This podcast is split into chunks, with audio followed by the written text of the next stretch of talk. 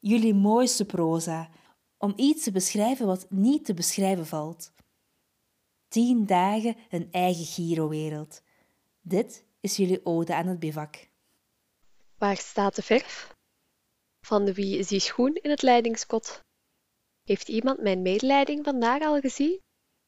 S morgens gewekt worden door een ribbel die ravot. Of moeten gaan fluiten bij die slapende tiptien. De zon die opkomt boven de tenten, wat een zicht. Hmm. De geur van de vorige groep die daar nog hangt. De ochtendgymnastiek in dat eerste bivaklicht. Een gevoel waar iedereen een heel jaar naar verlangt. Boterhammen smaken nooit zo goed als dan. Spaghetti is ronduit een overheerlijk feestmaal. Tien dagen om te doen en te laten wat anders niet kan. En om puur te genieten met ons allemaal. Overdag meespelen, voor eventjes terug lid zijn. S'avonds op de LK dan weer onze leidingskant tonen. Een fris pintje, chips en ja, kom, pak ook maar de wijn.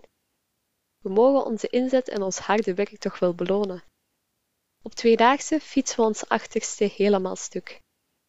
We zingen ons hees op de zangstonden aan het kampvuur. Ontelbare herinneringen, momenten van puur geluk.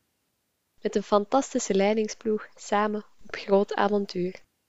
Dat is wat ik zou zeggen, met een trotse lach op mijn smoel, als men mij vraagt om ons kamp te beschrijven. Maar eerlijk is eerlijk. Bivak, dat is een gevoel.